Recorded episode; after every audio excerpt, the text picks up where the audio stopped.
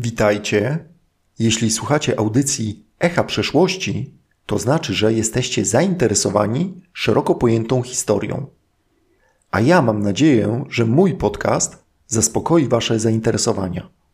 Nazywam się Sławomir Żurawski. Interesuję się historią, muzyką oraz kinem. I w moim podcaście chciałbym opowiadać o tym, co mnie zainspirowało albo sprawiło, że moje myśli krążyły przez dłuższy czas wokół tego tematu. Dzisiaj zapraszam Was do wysłuchania trzeciej części mojej opowieści o bitwie o Midway. W poprzedniej części opowiedziałem o wydarzeniach, które odbywają się 4 czerwca 1942 roku, mniej więcej od godziny drugiej nad ranem do 8.35. O 8.35 kończy się kolejny amerykański atak na japońskie lotniskowce. To był już piąty nalot tego dnia, ale jak dotąd żaden nie przyniósł efektu. Na japońskie lotniskowce nie spadła nawet jedna bomba ani jedna torpeda. Wiceadmirał Nagumo wydał rozkaz, aby uzbroić samoloty, które wróciły z nalotu na Midway, a następnie uderzyć całą grupą lotniczą czterech japońskich lotniskowców na Amerykanów. A teraz opowiem, co działo się na lotniskowcach amerykańskich. Amerykanie nie mieli do tej pory doświadczenia w operowaniu grupami lotniskowców. Dotąd ich lotniskowce działały w pojedynkę.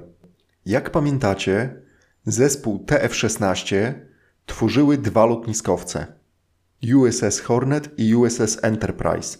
Dowodzący grupą TF-16, kontradmirał Spruance, chciał, aby obie grupy lotnicze wspólnie uderzyły na Japończyków, ale zdawał sobie sprawę z tego, że amerykańscy lotnicy, a zwłaszcza lotnicy z Horneta, nie mają zbyt wielkiego doświadczenia w działaniach bojowych. Właściwie dla większości lotników z Horneta zbliżająca się bitwa miała być ich debiutem bojowym. Dlatego to kapitanowie lotniskowców Horneta i Enterprise mieli zadecydować, w jaki sposób ich lotnicy dokonają nalotu. Zresztą na dobrą sprawę nie miało to wielkiego znaczenia. Rozkaz, który wydał Spruance był jasny: jak najszybciej startować i jak najszybciej uderzyć na wroga. Wiadomo było, że oba lotniskowce rozpoczną procedurę startu mniej więcej w tym samym czasie, więc siłą rzeczy ich samoloty powinny lecieć mniej więcej w tym samym czasie, w jednej grupie i w jednym kierunku. Ale tak się nie stało i o tym za chwilę. Aby łatwiej Wam było zrozumieć, co się wydarzyło, muszę najpierw krótko wyjaśnić, jak były zorganizowane grupy lotnicze na japońskich i amerykańskich lotniskowcach. Jak pamiętacie, na swoich lotniskowcach Japończycy mieli eskadry bombowców nurkujących, eskadry bombowców torpedowych i eskadry myśliwców. Rozpoznanie lotnicze przeprowadzały wodno-samoloty z krążowników. To po to, aby japońskie lotniskowce przynosiły jak najwięcej samolotów uderzeniowych, żeby po prostu samoloty rozpoznawcze nie zajmowały dodatkowego miejsca. U Amerykanów było podobnie, chociaż nie do końca. Również mieli eskadry bombowców nurkujących, bombowców torpedowych oraz myśliwców, natomiast dodatkowo część bombowców nurkujących była przystosowana do rozpoznania i na lotniskowcach amerykańskich znajdowały się również eskadry rozpoznawcze. Każda eskadra miała swoje oznaczenie i w literaturze spotkacie się z oznaczeniami VS, VB, VT i VF z jakąś cyfrą na końcu. V oznacza w tym przypadku samoloty cięższe od powietrza. Właściwie powinienem powiedzieć aparaty latające cięższe od powietrza, no bo wszystkie samoloty są cięższe od powietrza. Ale myślę, że wiecie o co mi chodzi. Natomiast S oznacza z angielskiego scouting, czyli rozpoznanie, B bombing, czyli bombardowanie, T jak torpedo, czyli myślę, że nie muszę tego tłumaczyć, oraz F jak fighting, czyli walka, czyli tak były oznaczane eskadry myśliwskie. Natomiast numer następujący po tych literach był numerem burtowym lotniskowca. I tak dla przykładu, Hornet, który miał numer burtowy 8, więc wszystkie jego eskadry miały numer 8, czyli VS8, VB8, VT8 i VF8. Enterprise miał numer 6, więc wszystkie jego eskadry były również oznaczone szóstką. VS6, VB6 i tak dalej. Yorktown miał numer burtowy 5, więc w założeniu wszystkie jego eskadry powinny być oznaczone piątką, czyli VS5, VT5 i tak dalej. Ale jeśli pamiętacie to, co mówiłem o bitwie na Morzu Koralowym i że Yorktown wyszedł ciężko uszkodzony z tej bitwy, to jeszcze nie było wszystko. Yorktown stracił dużą liczbę samolotów i lotników. Jego eskadry bombowa, torpedowa oraz myśliwska musiały zostać odtworzone. Natomiast w porcie w San Diego remont przechodził lotniskowiec USS Saratoga i eskadry lotnicze z tego lotniskowca zostały skierowane na USS Yorktown w zamian za eskadry z Yorktowna, które musiały zostać przebazowane i odtworzone na lądzie. Yorktown zachował swoją eskadrę rozpoznawczą VS-5, natomiast otrzymał eskadrę bombową VB-3, eskadrę torpedową VT-3 i eskadrę myśliwską VF-3 z lotniskowca Saratoga. Amerykanie, jako naród pragmatyczny, racjonalizowali te nazwy i używali skrótów, takich na przykład jak myśliwska trójka, rozpoznawcza szóstka, torpedowa ósemka. I często w literaturze spotkacie się z takimi określeniami. Eskadry rozpoznawcze i eskadry bombowe latały na samolotach SBD Dauntless. Z tym, że w wersji rozpoznawczej Dauntlessy przenosiły bomby 500-funtowe, a w wersji bombowej w bomby 1000-funtowe. I tak na marginesie, czasami oglądając jakiś film albo czytając jakąś książkę, spotkacie się z informacją, że bombowce były uzbrojone w bombę 500 kg, innym razem, że były uzbrojone w bombę o wadze 454 kg. To są te same bomby, tylko ktoś przy tłumaczeniu po prostu zaokrąglił tą wagę. Dlatego ja, żeby uniknąć nieporozumień, wolę używać oryginalnej nazwy. Ale wróćmy już pod Midway. Jest godzina siódma, lotniskowce z TF-16 obierają kurs na wiatr i rozpoczyna się procedura startu. Kilka minut po siódmej, jako pierwsze z USS Hornet startują myśliwce Wildcat. I tu zaczynają się kontrowersje, których na dobrą sprawę nie wyjaśniono do dziś. Wydarzenie to najczęściej określa się jako lot donikąd. I chyba jest to najtragiczniejszy i najbardziej bezsensowny aspekt tej bitwy. Z czterech eskadr startujących z Horneta, tylko jedna odnalazła wroga. Dowódca USS Hornet kontradmirał Mark Andrew Mitcher, bardziej znany jako Pete Mitcher, zastosował tzw. Tak opóźniony start. Polegało to na tym, że po starcie samoloty, które jako pierwsze opuściły lotniskowiec, oczekują na resztę i po starcie ostatniej maszyny wspólnie lecą w kierunku wroga, tworząc w powietrzu formację uderzeniową. Co ciekawe, z Horneta jako pierwsze startują myśliwce Wildcat, które mają najmniejszy zasięg i przez godzinę oczekują na start ostatniej maszyny. Właściwie nie przez godzinę, troszkę mniej. Myśliwce mają osłaniać bombowce nurkujące i towarzyszą im praktycznie od początku, lecąc na wysokości 6 km. Bombowce torpedowe muszą zrzucać torpedy z niskiego pułapu, więc nie ma sensu, żeby leciały na takiej wysokości. Dowodzący eskadrą torpedową z Horneta jeśli słuchaliście mnie uważnie, to wiecie, że eskadra ta miała oznaczenie VT-8. Dowodzący tą eskadrą, komandor porucznik John C. Waldron, prosił dowódcę o przydzielenie jego eskadrze osłony myśliwskiej. I trudno mu się dziwić, gdyż podchodzące powoli na niskim pułapie samoloty będą łatwym łupem dla japońskich myśliwców. Kontradmirał Mitcher nie zgadza się. Pete Mitcher był bardzo pewnym siebie człowiekiem i nie zwykł dyskutować z podwładnymi. I stwierdził, zresztą też słusznie, że myśliwce mają największą szansę w walce z japońskimi zerami, atakując z wyższego pułapu. Ta decyzja dla powolnych bombowców torpedowych ograniczała możliwości przetrwania takiego starcia praktycznie do zera. I Waldron dla którego podobnie jak dla wszystkich załóg torpedowej ósemki miała być to pierwsza misja bojowa, przyjął ją z goryczą. Całością grupy lotniczej Horneta miał dowodzić komandor porucznik Stanhope Ring. I o ile Pete Mitcher nie był kochany przez podwładnych, o tyle Ring był po prostu nielubiany. Był to kiepski pilot, słaby nawigator, dowódca tępiący wszelkie przejawy braku dyscypliny, czy to rzeczywiste, czy urojone, za to świetnie umiejący się zaprezentować przed zwierzchnikami. Myślę, że każdy z nas choć raz w życiu miał takiego szefa. Po starcie cała grupa kieruje się na zachód. Podczas gdy z pierwszego raportu o wykryciu japońskich lotniskowców z godziny 5.34 wynikało, że aby spotkać wroga należy lecieć kursem na południowy zachód. Jedynie dowodzący torpedową ósemką, komandor porucznik Waldron, zwraca uwagę przełożonemu, że lecą złym kursem. Ten jest jednak wściekły na Waldrona za złamanie ciszy radiowej. Nakazuje mu lecieć za nim. Waldron nie daje za wygraną. Gdy nie udaje mu się przekonać Ringa o błędnym kursie, w niewybrednych słowach mówi, co o nim myśli. Mniej więcej brzmi to do cholery z tobą. No wiecie, coś w tym rodzaju. Następnie Waldron ze swoim dywizjonem odłącza się od grupy Horneta i obiera kurs na południowy zachód.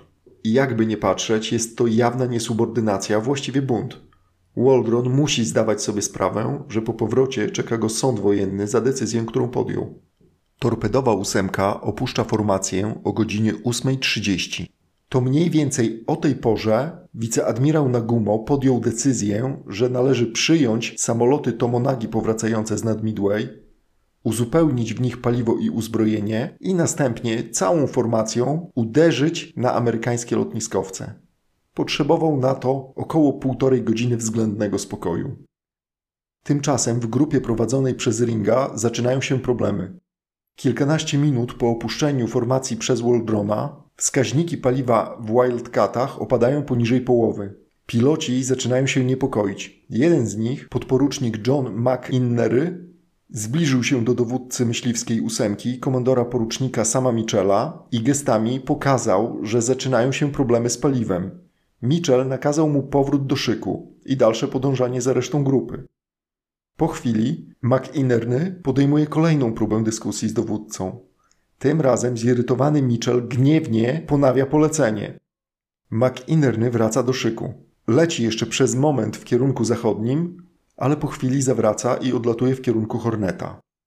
Po nim to samo robi następny samolot, potem następny i następny, i po kilku minutach Mitchell orientuje się, że został sam. Nie ma z nim jego eskadry. Piloci opuścili swojego dowódcę. No i cóż może zrobić Mitchell? Robi to samo. Trudno się dziwić w tej sytuacji pilotom myśliwców. Najpierw bombowce torpedowe opuszczają grupę. Oni lecą jako osłona nie wiadomo dokąd. Paliwa jest już poniżej połowy w zbiornikach, a w czasie walki myśliwce zużywają paliwa dużo, dużo więcej. Nawet gdyby odnaleźli wroga, to nie mieliby już szans na powrót na lotniskowce. W najlepszym wypadku czekał ich długi pobyt w oceanie, dopóki nie zostaną odnalezieni. Zresztą nie uniknęli tego, ale o tym za chwilę. Gdy Wildcaty opuściły zgrupowanie ringa, była mniej więcej godzina dziewiąta. O godzinie 9.20 prawdopodobnie Ring usłyszał wezwanie Waldrona. Waldron przez radio meldował o odnalezieniu lotniskowców i podjął atak nie wyłączając nadajnika. Wszyscy w tym, co pozostało z grupy lotniczej Horneta, mogli usłyszeć jego komunikaty, z których wynikało, że Waldron odnalazł wroga, ale i wróg namierzył jego. Najpierw wezwanie do ataku, potem ostrzeżenia, w międzyczasie radość z zestrzelenia japońskiego zera i nagle cisza. Nawet nie chcę się domyślać, co czuły załogi Dantlesów, słysząc komunikaty Waldrona. Tym bardziej musiało być to przykre uczucie, że poziom paliwa cały czas spadał, realnie nie mieli już szans odnaleźć wroga, a Ring uparcie kierował się na zachód. Kilkanaście minut później, po przebyciu 320 km i przekroczeniu punktu przechwycenia japońskich lotniskowców, dowódca eskadry bombowej Horneta, komandor porucznik Robert Johnson, nakazuje swoim podwładnym zwrot na południe w kierunku Midway.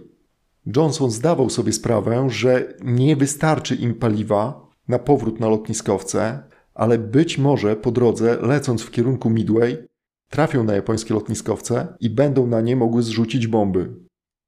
Stanhope Ring nadal uparcie nakazuje im podążać za sobą, ale z eskadry bombowej nikt go nie słucha. Wszyscy lecą za swoim dowódcą. Za ringiem lecą już tylko samoloty z eskadry rozpoznawczej. O godzinie 10 po przebyciu 360 km Ring orientuje się, że leci sam. Kolejny dowódca został opuszczony. Już dużo wcześniej jego dalszy lot na zachód nie miał najmniejszego sensu. Stanhope Ring zawraca i samotnie wraca na Horneta. Co ciekawe, ląduje jako pierwszy, jeszcze przed eskadrą rozpoznawczą, która miała problemy z nawigacją.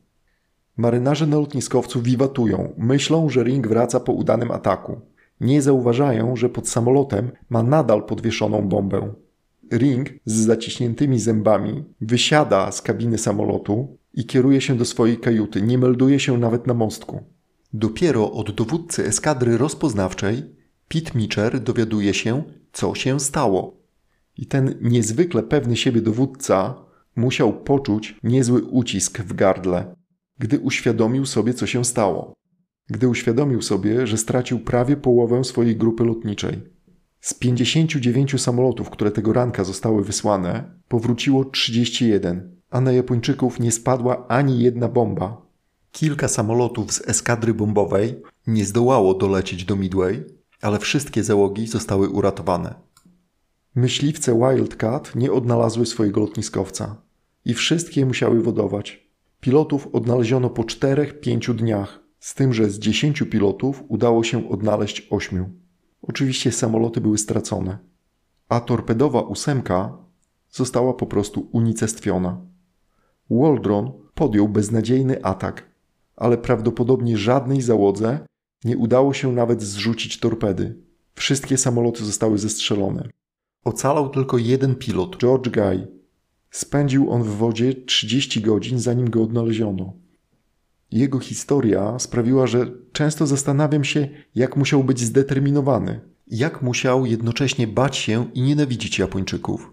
Był ranny, ukrywał się pod fragmentem fotela lotniczego. Na początku obawiając się, że japońscy piloci, gdy go wykryją, będą do niego strzelać. Ale później, będąc sam pośrodku oceanu, pośrodku niczego, z dala od swoich okrętów, na co mógł liczyć? Na szczęście został odnaleziony po 30 godzinach, ale do końca życia przeżywał traumę jedynego ocalałego. Po śmierci George Guy powrócił symbolicznie na miejsce bitwy. Jego prochy zostały rozsypane pod Midway. I co było przyczyną tego kuriozalnego i tragicznego zdarzenia? Są dwa możliwe wyjaśnienia.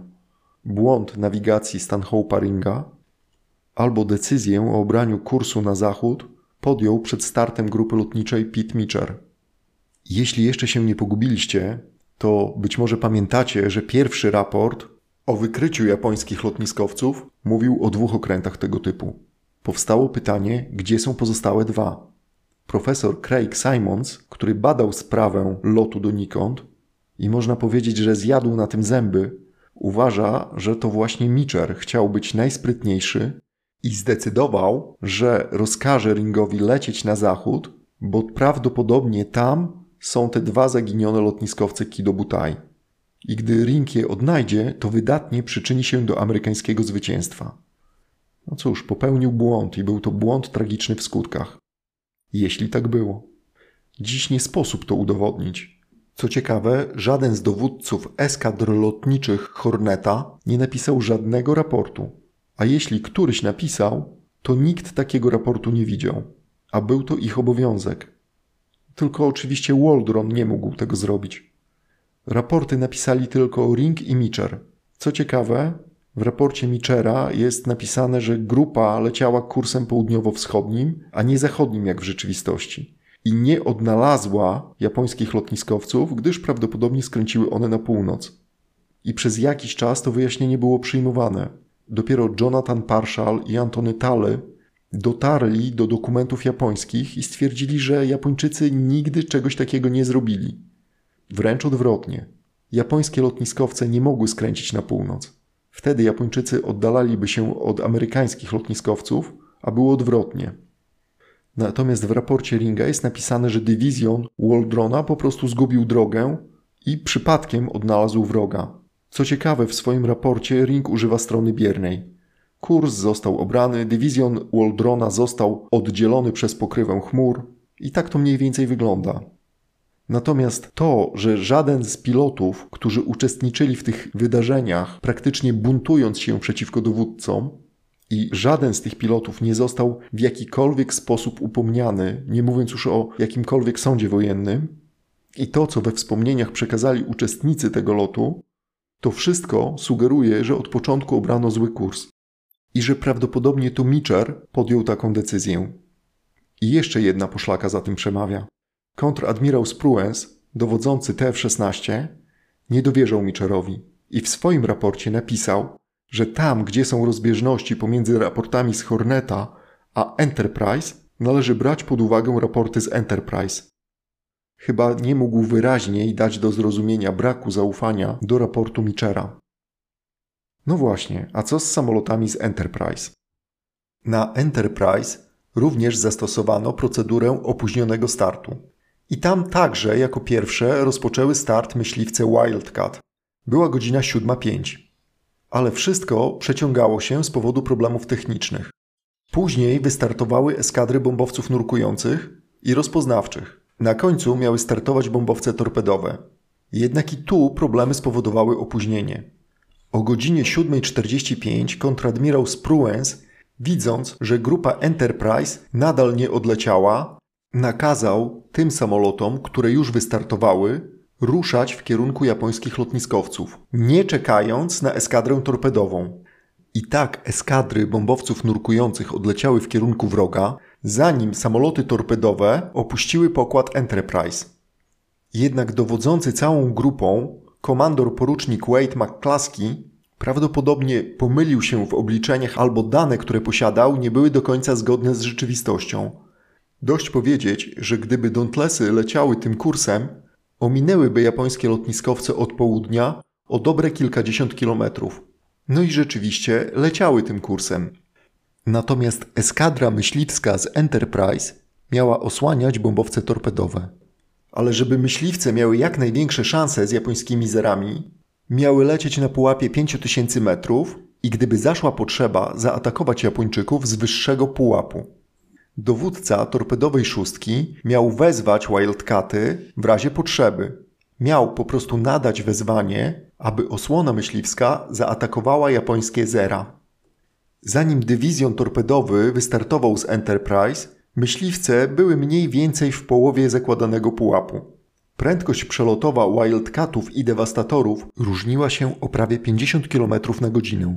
Szybsze Wildcaty musiały manewrować, lecąc nie na wprost, ale kreślić łagodne łuki raz w prawo, raz w lewo, żeby nie zostawić w tyle wolniejszych dewastatorów. Lecąc na wysokości 5 km, dowódca VF-6, porucznik James Gray, spoglądał w dół na znikające raz po raz w chmurach dewastatory. Wszystko wydawało się przebiegać zgodnie z planem. Porucznik Gray nie wie jednak, że eskadrą torpedową, którą obserwuje i którą eskortuje, jest torpedowa ósemka Waldrona. Po prostu w którymś momencie porucznik Gray uznał dywizjon Waldrona za dywizjon z Enterprise i podążał tym samym kursem. Natomiast eskadra torpedowa z Enterprise również leciała kursem bardziej na południe, choć nie aż tak bardzo jak Dauntlessy McCluskeya. I ironia losu polega na tym, że do końca myśliwce z Enterprise eskortują bombowce torpedowe z Horneta i w momencie nalotu na Kido Butai są gotowe do pomocy. Jednak Waldron nie wie, że Gray czeka na umówiony sygnał. A samoloty z różnych lotniskowców używają do komunikacji radiowej różnych częstotliwości. Dlatego Gray nie usłyszał wiadomości nadawanych przez Waldrona. I to już chyba ostatnia kropla goryczy w tym kielichu od losu, który przed śmiercią musiał wypić Waldron. Przecież wcześniej prosił Michera o przydzielenie osłony myśliwskiej. Nie dostał jej, a gdy przez przypadek tą osłonę mógłby dostać, to nie był w stanie porozumieć się z Wildcatami. Porucznik Gray nie zdawał sobie sprawy z dramatu torpedowej ósemki. Jej zagłada trwała 20 minut, od 9.20 do 9.40. Gdy Zera kończą historię torpedowej ósemki, nad Kido Butai nadlatuje torpedowa szóstka. Jak pamiętacie, torpedowa ósemka nadleciała z północnego wschodu. Torpedowa szóstka leciała kursem na południe i nadleciała nad Kido Butai z południowego zachodu. Jak to się stało? Przecież jej kurs od początku był błędny. I jakim cudem znalazły się one we właściwym miejscu? Otóż w momencie rozpoczęcia ataku przez Waldrona na Kido Butai, japońskie krążowniki Tone i Chikuma nadały umówiony sygnał o wrogim nalocie. One jako pierwsze ujrzały eskadrę torpedową i wypuściły w powietrze słupy czarnego dymu, które miały ostrzec lotniskowce o zbliżającym się niebezpieczeństwie. Ten dym przyciąga uwagę dowódcy eskadry torpedowej z Enterprise. I właśnie to był największy wkład torpedowej ósemki na wynik bitwy o Midway. Komandor podporucznik Eugene Lindsay, dowódca VT-6, przystępuje do ataku. Początkowo wszystko idzie zgodnie z planem. Japońskie zera były zaangażowane do ataku na eskadrę Waldrona, która zaatakowała z północnego wschodu. Torpedowa szóstka atakuje z południowego zachodu i piloci japońscy potrzebują kilku minut, aby zauważyć Amerykanów i zaatakować ich. Lindsay, widząc nadciągających Japończyków, wzywa osłonę myśliwską, która jest gdzieś na górze. Ale Gray nie odpowiada. Prawdopodobnie nie usłyszał wezwania dowódcy torpedowej szóstki. Zresztą Gray nie oczekiwał takiego wezwania. Widział przecież wcześniej atakujące dewastatory i był przekonany, że jest to grupa z Enterprise, która po prostu nie potrzebowała jego pomocy. Postanowił jednak jeszcze pozostać nad Kido Butai w oczekiwaniu na Dantlesy McClaskeya i pomóc im ewentualnie w ataku. Ale te, jak pamiętacie, poleciały jeszcze dalej na południe. Gray ze swoim dywizjonem spędził nad Kido Butai prawie godzinę, od 9.10 do 10.05. Gdy w Wildcatach zostało już paliwa tylko na powrót, dywizjon skierował się z powrotem na Enterprise. Tymczasem na dole atak rozpoczyna dywizjon torpedowy z Enterprise. Jest godzina 9.40. Piloci japońskich myśliwców znów mają pełne ręce roboty. W ciągu 20 minut masakrują kolejny amerykański dywizjon. Z 14 dewastatorów z VT-6 zestrzeliwują 9. Cztery wracają na lotniskowiec, ale jeden jest tak postrzelany, że obsługa spycha go po prostu za burtę. Piąty ocalały bombowiec nie dociera na okręt. Jest zbyt uszkodzony i po prostu załoga musi wodować. Załoga tego samolotu, pilot Bosman Matt Albert Winchell oraz strzelec pokładowy Matt Douglas Cassett spędzą na tratwie w oczekiwaniu na ratunek 17 dni.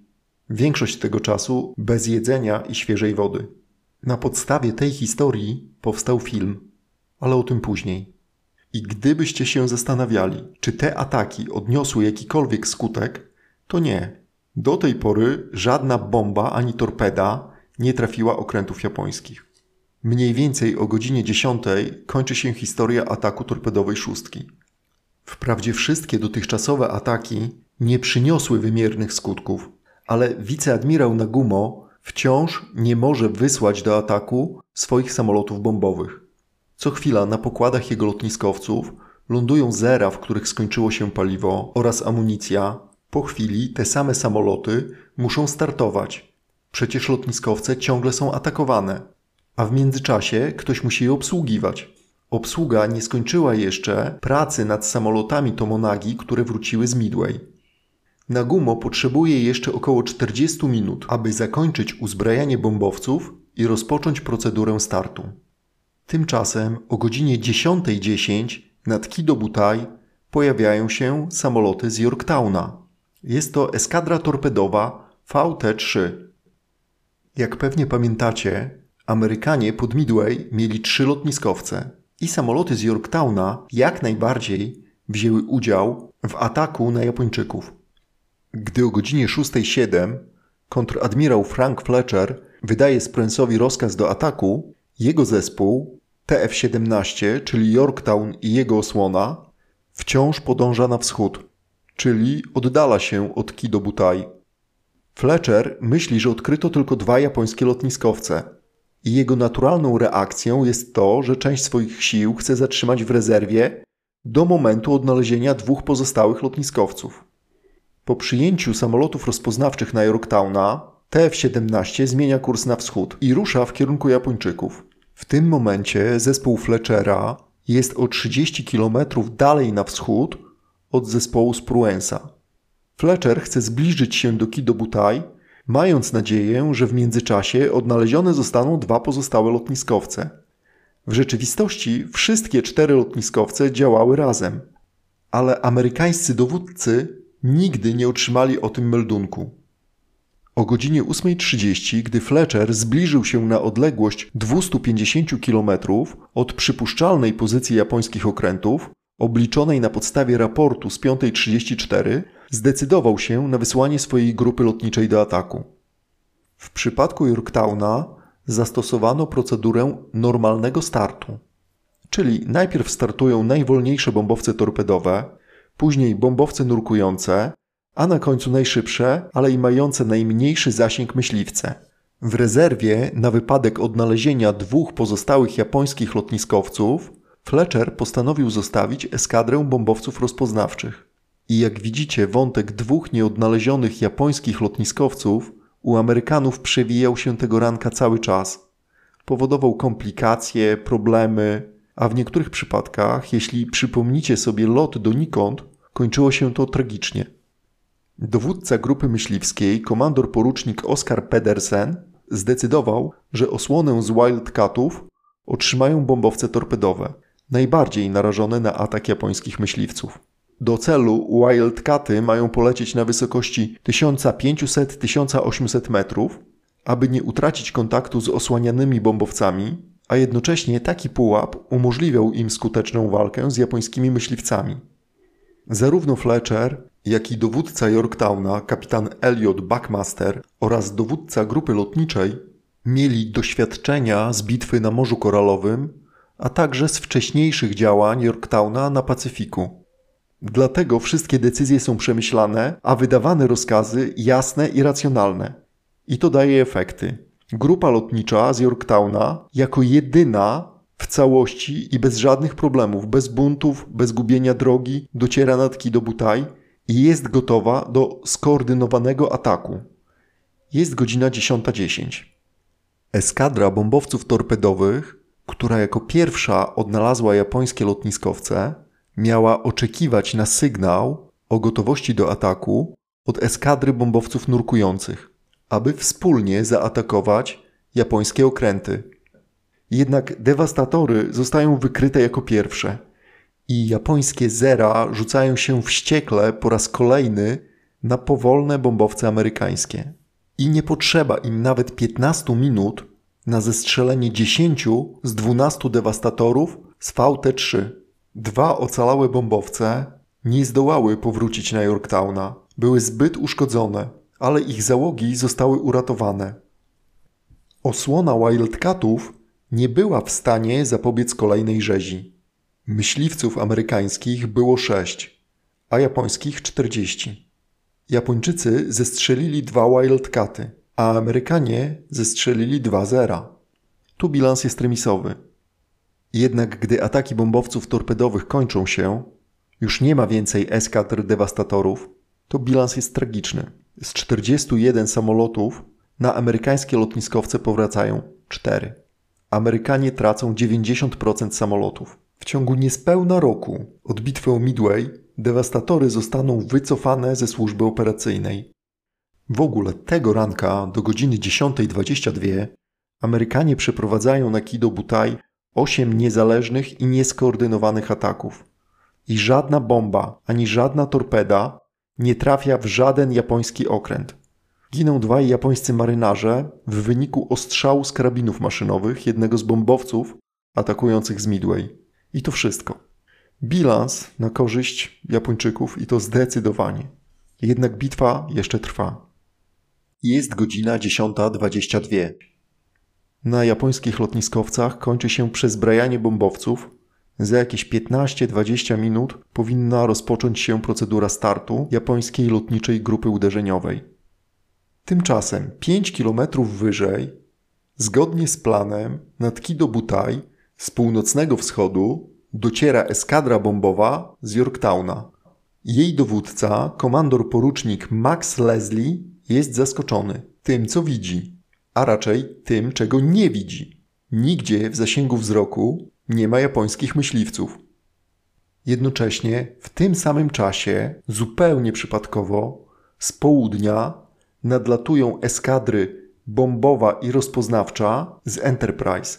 To są te eskadry, które prowadzi Wade McClaskey. Te same, które obrały błędny kurs najbardziej na południe. Jest to już ostatni punkt zwrotny tej bitwy. Bitwa o Midway wchodzi w decydującą fazę. Ale o tym, co było dalej, opowiem Wam w kolejnej części. Dziękuję za wysłuchanie dzisiejszej audycji.